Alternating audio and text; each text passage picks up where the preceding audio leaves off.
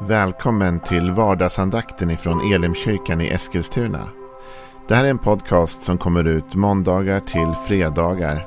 Om du vill veta mer om vilka vi är, vad vi tror på, hur du kan komma i kontakt med oss eller vad vi kan erbjuda dig för någonting så gå in på www.elimkyrkan.com. Får jättegärna gå in och likea vår Facebook-sida. Det är facebook.com elimeskilstuna. Eller så söker du upp oss på YouTube och då söker du på Elimkyrkan Eskilstuna. Vi vill jättegärna komma i kontakt med dig. Men nu lyssnar vi till dagens andakt. Välkommen till vardagsandakten. Vi har under egentligen flera dagar tittat på de första sju verserna i psalm 94.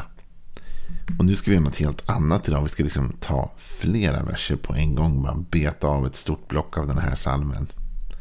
Men det är en psalm som är väldigt intressant. Därför att den handlar om längtan efter rättvisa kan man säga. Att hämndens Gud skulle träda fram. Att jordens domare skulle resa sig och ta tag i detta. Den talar om hur de gudlösa människorna har dragit våld och allt möjligt över jorden. Och de har gjort det i tanken av att Gud inte ser, inte hör.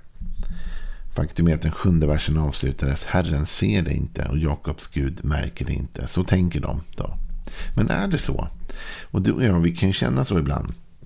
Undrar om ens Gud har sett eller hört eller förstått det som sker.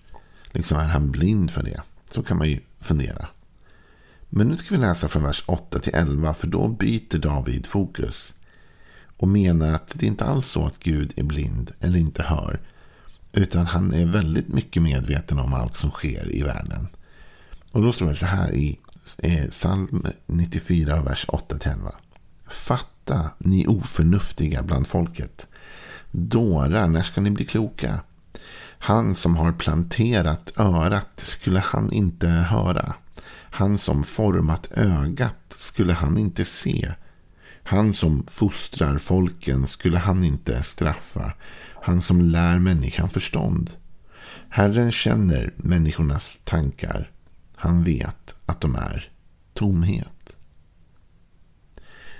Efter att ha sagt att det tycks som att de gudlösa, de, de lever livet som att Gud inte ser, inte hör, inte finns. Att jag har ingen domare över mig.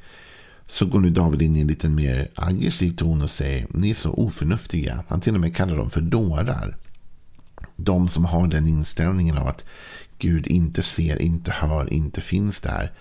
Utan han säger han som planterade örat skulle han inte höra. Och han som format ögat skulle han inte se.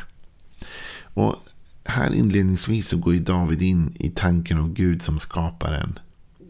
Att allting, att vi är och allting är Guds skapelse. Och han säger, men om Gud har skapat allt detta skulle han själv inte se han som har skapat ögat. Skulle han som har planerat och skapat örat inte höra själv? Det låter ju märkligt. Det är klart att han har koll som skaparen av allting du och jag, vi kanske blir upprörda när saker händer i världen. När saker går sönder i vår omgivning. Men du vet, det är Guds skapelse. Det finns nog ingen som blir så upprörd som han. Jag menar, det är lite skillnad på när någon har sönder en sak eller när någon har sönder min sak. Eller? jag menar, om du har sönder något av dina grejer så är det tråkigt, det kan jag tycka. Men om du har sönder något av mina prylar, då är det ju ännu värre för mig. Så att, jag tänker att det kanske är som med Gud också. Han är ju skaparen. Det är ju han som har skapat allting. Och när det går sönder, när det tas, bryts sönder, då är det klart att han är medveten om det. Det här är faktiskt ett återkommande tema i Bibeln. Och i Ordspråksboken så talar Salomo om det. Och han säger så här i Ordspråksboken 20, vers 12. Örat som hör och ögat som ser, båda har Herren gjort. Ögat som hör och eh, örat som hör och ögat som ser, båda har Herren gjort. Med andra ord, Gud har skapat synen och hörseln. Varför skulle han då själv vara blind för det som sker? Det är ju argumentationen hos David. Varför skulle han som har skapat syn inte se? Varför skulle han som har utformat och skapat hörseln inte själv höra? Det är klart han både ser och hör. Så det är inte alls det att han är omedveten. Och så säger han, Han som fostrar folken, skulle han inte straffa?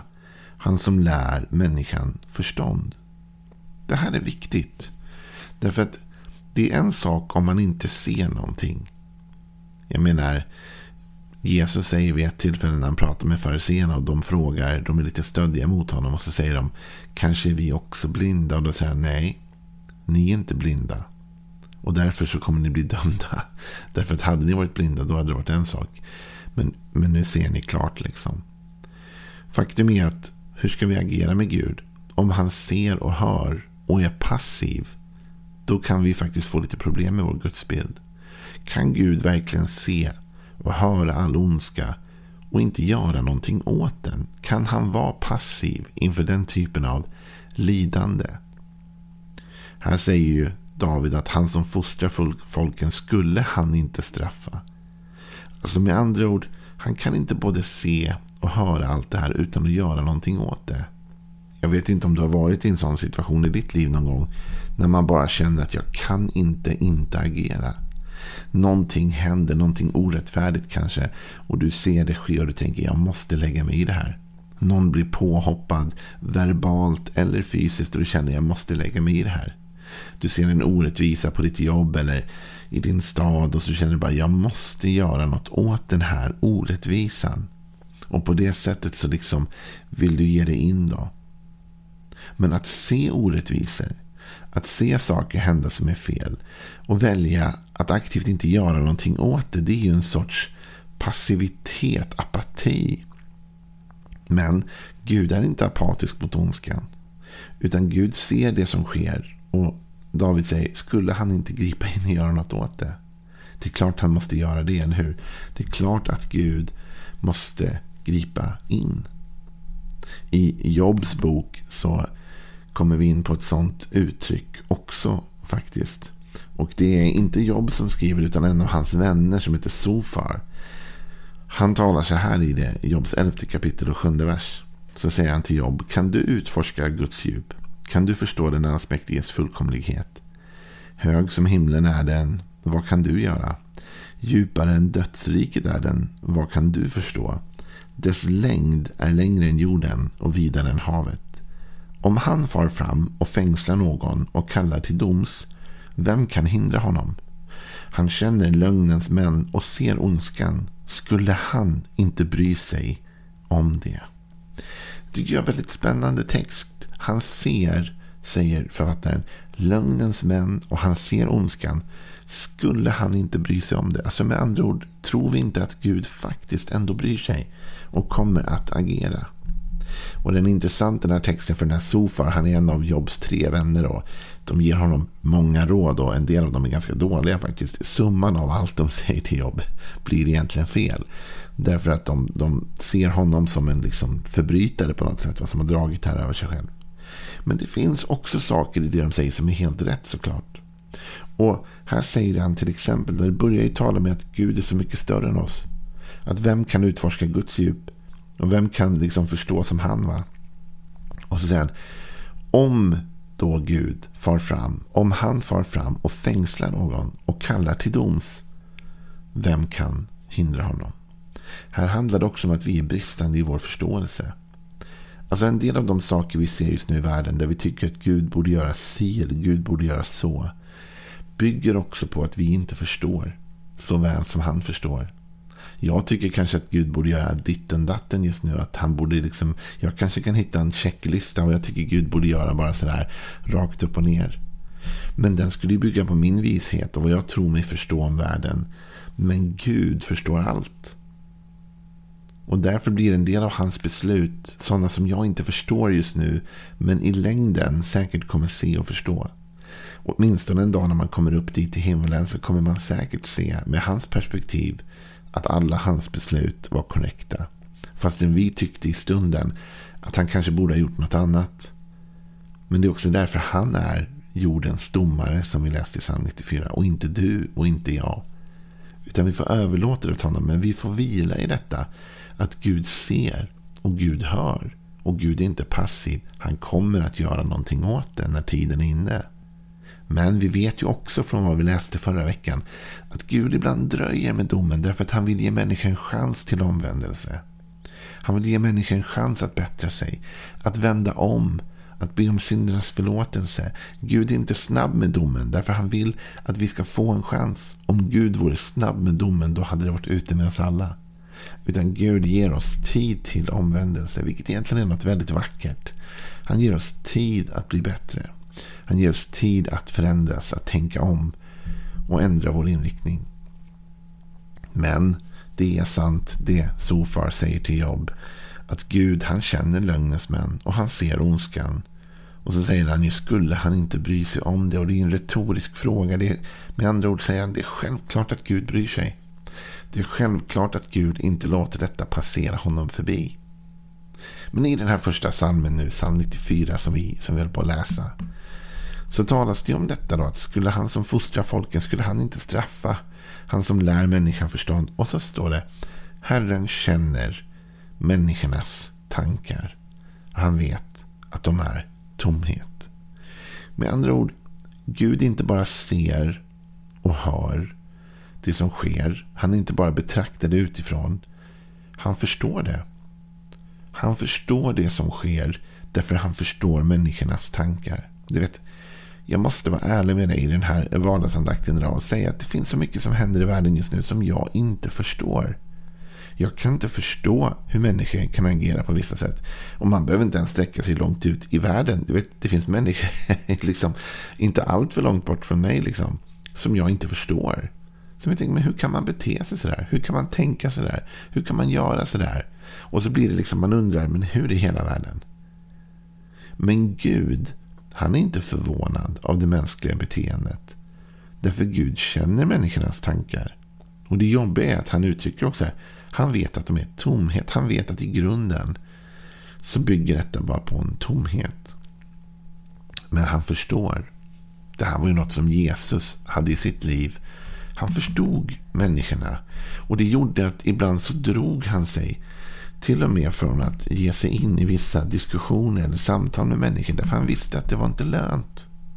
Det står så här i Johannes evangeliets andra kapitel och den 23 versen att medan han, alltså Jesus, då var i Jerusalem under påskhögtiden kom många till tro på hans namn när de såg de tecken han gjorde.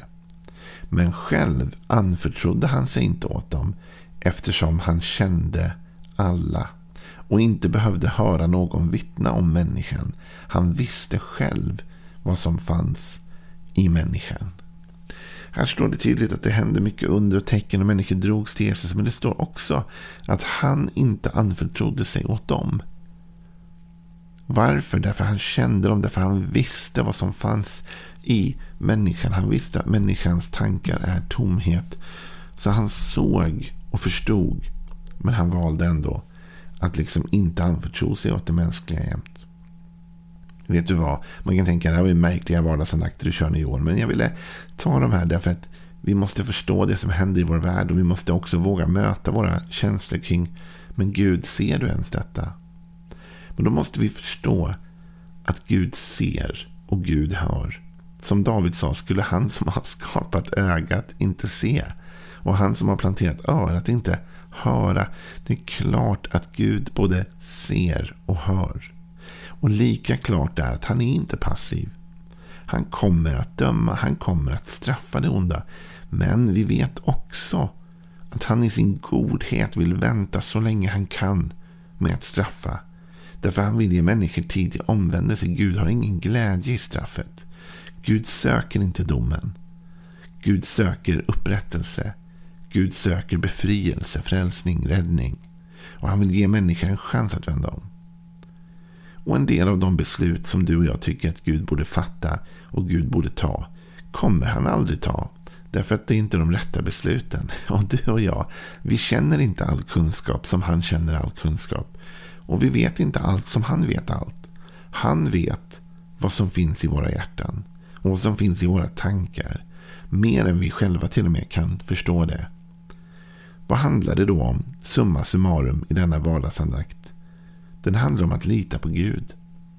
Det handlar om att lita på att han har koll på läget. Även när du och jag tycker att det verkar vara kaos och röra. Så måste vi lita på att Gud vet. Och Gud ser. Och Gud hör. Och Gud kommer utkräva rätten i sin tid. Men han är också god och nådefull och vill ge människor en chans till omvändelse. Och det borde vi tacka honom för. För hade han inte gett oss en chans till omvändelse hade vi inte vänt om. Vi behövde tid. Ha en välsignad dag så fortsätter vi med psalm 94 även imorgon. Denna utmanande psalm som ändå har så mycket att ge tror jag in i vår tid. Ha en välsignad dag. Imorgon är vi tillbaka igen. Hej.